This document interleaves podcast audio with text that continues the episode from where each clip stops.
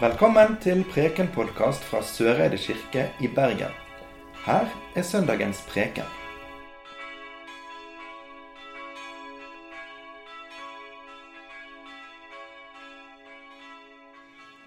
Det står skrevet i evangeliet etter Lukas.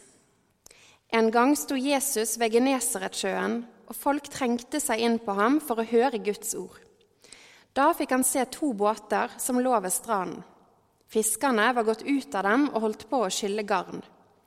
Jesus steg opp i en av båtene, den som tilhørte Simon, og ba ham legge litt ut fra land.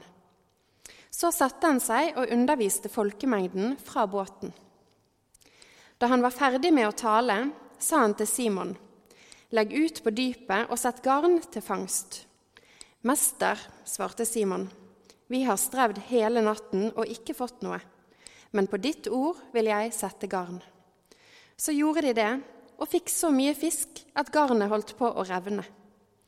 De ga tegn til arbeidslaget i den andre båten at de skulle komme og ta i med dem.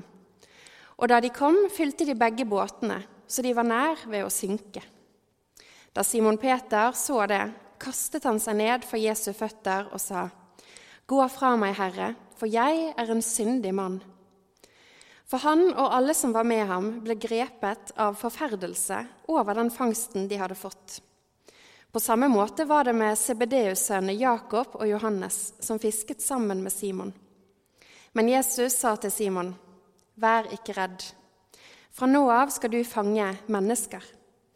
Så rodde de båtene i land, forlot alt og fulgte ham. Slik står det skrevet. Fra nå av skal du fange mennesker. Jeg vet ikke med dere, men hos meg så vekker disse ordene noen litt ubehagelige assosiasjoner. Å fange det er ikke først og fremst positive ord. Det høres litt voldsomt ut. Og når vi vet hvordan Kirken opp igjennom årene tidvis har opptrådt overfor mennesker med annen religion og tvunget kristendommen på andre folkegrupper, så har vi grunn til å være litt skeptisk. For så kan vi se på den samiske befolkningen i vårt eget land og orke å sette oss inn i hvordan fornorskningen, med Kirken så absolutt med på laget, har påført enormt mange sår, skam og skapt en avstand for samene sjøl til deres egne røtter, religion og kultur. Men så er jo det Jesus som sier disse ordene, da. Og jeg er ganske overbevist om at de er sagt med den største kjærlighet. For å gi Simon Peter den utrustningen han trengte. For å forlate fiskeryrket på stedet og følge Jesus. Fra nå av skal du fange mennesker. Jesus befinner seg her på stranden, på arbeidsplassen til Simon Peter og hans kolleger. Selvfølgelig snakker han da med et språk og bruker bilder som de forstår. De er fiskere av yrke. De er vant til å fange fisk. Det er jo det de jobber med. Og Her på stranden så står Jesus og ber Simon Peter og de andre om å bruke det de allerede kan, men på en litt annen måte. De skal fortsatt samle inn. Det de skal være med på, ligner litt på det de allerede kan. Men fra nå av er ikke det fisk, men mennesker de skal samle.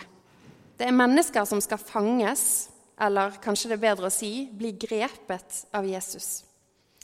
Og Derfor kan det sammenlignes med en fiskefangst til en viss grad. Og Derfor snakker Jesus fiskernes egne, eget språk og taler til dem i deres egne bilder. På arbeidsplassen deres så gir Jesus dessuten et ganske så elendig fiskertips. At de nå skal legge ut på dypet og sette garn til fangst. Det var visst et garn som ikke var egnet til å fange fisk i dagslys. Vi får høre at de har jo fisket hele natten uten lykke. Men likevel så gjør de det Jesus eh, sier, og de får enorme mengder med fisk. Jesus kaller med dette til seg apostler, som skal være i hans innerste krets i de kommende tre årene, og som siden skal sendes ut i verden og fortelle de gode nyhetene om hans død og oppstandelse til alle folkeslag. Disse apostlene de endrer totalt kurs. De legger bokstavelig talt fra seg fiskergarnet og følger han. Ifølge Lukasevangeliet, som jeg leste fra, så er det opprinnelig tolv apostler. Vi kan lese om de i kapittelet etter vår tekst. Da det ble dag, kalte han til seg disiplene sine, og av dem valgte han ut tolv, som han også kalte apostler. Det var Simon, som han også ga navnet Peter, og hans bror Andreas, Jakob og Johannes, Philip og Bartolomeus, Matteus og Thomas, Jakob, sønn av Alfaus, og Simon, som kaltes Seloten, Judas, Jakobs sønn, og Judas Iskariot, han som ble forræder. Vi får jo høre at disse fra før av var disipler. Og Derfor er det vanlig at vi kaller de disipler. Mateles på gresk er det ordet som brukes. Og det kan oversettes til å bety lærling, elev eller disippel. Og Vi hører kanskje at det har samme rot som ordet matematikk. Mateles. Apostolos det er det greske ordet som står for apostel, og det betyr utsending. Det var også flere i disippelgjengen, men de tolv som var kalt til apostler, som vi får høre om, de står i en særstilling. Men skal vi da se på disse tolv, så speiler de en ganske så sammensatt og mangfoldig gjeng. Vi vet òg at Paulus, som vi fikk høre Lidveig lese om, han ble også kalt til apostel, og flere med han.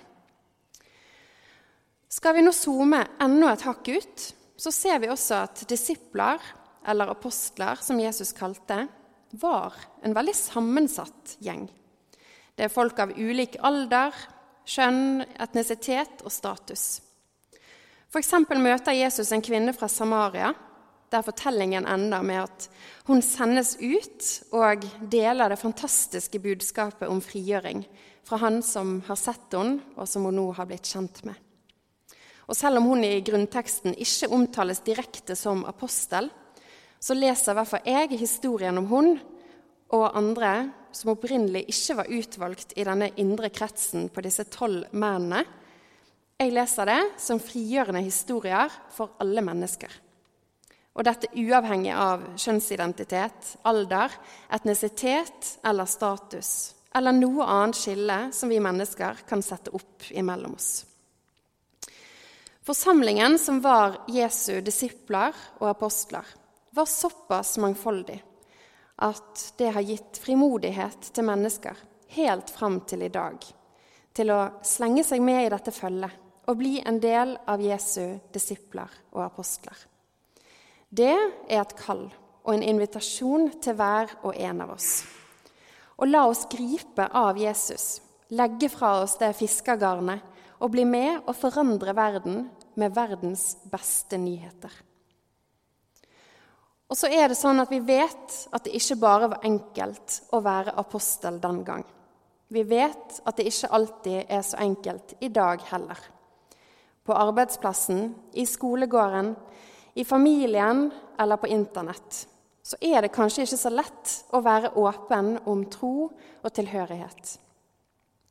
Den røde fargen vi har kledd Kirken med i dag, og den røde fargen som jeg bærer her på skuldrene mine, er en påminnelse om nettopp det. På apostellagen så kan vi i takknemlighet minnes de som på synlige eller usynlige måter lider eller har lidd for troen på Jesus. Vi hører nemlig sammen, som én kropp og som greiner på Han som kalles for det sanne vintreet. Alle som hører til i Kirken, er apostler, utsendinger, kalt til å følge Jesus akkurat som de vi er. Her er det plass til hver og en av oss uansett. Ære være Faderen, Sønnen og Den hellige ånd, vår skaper, frigjører og livgiver. Amen.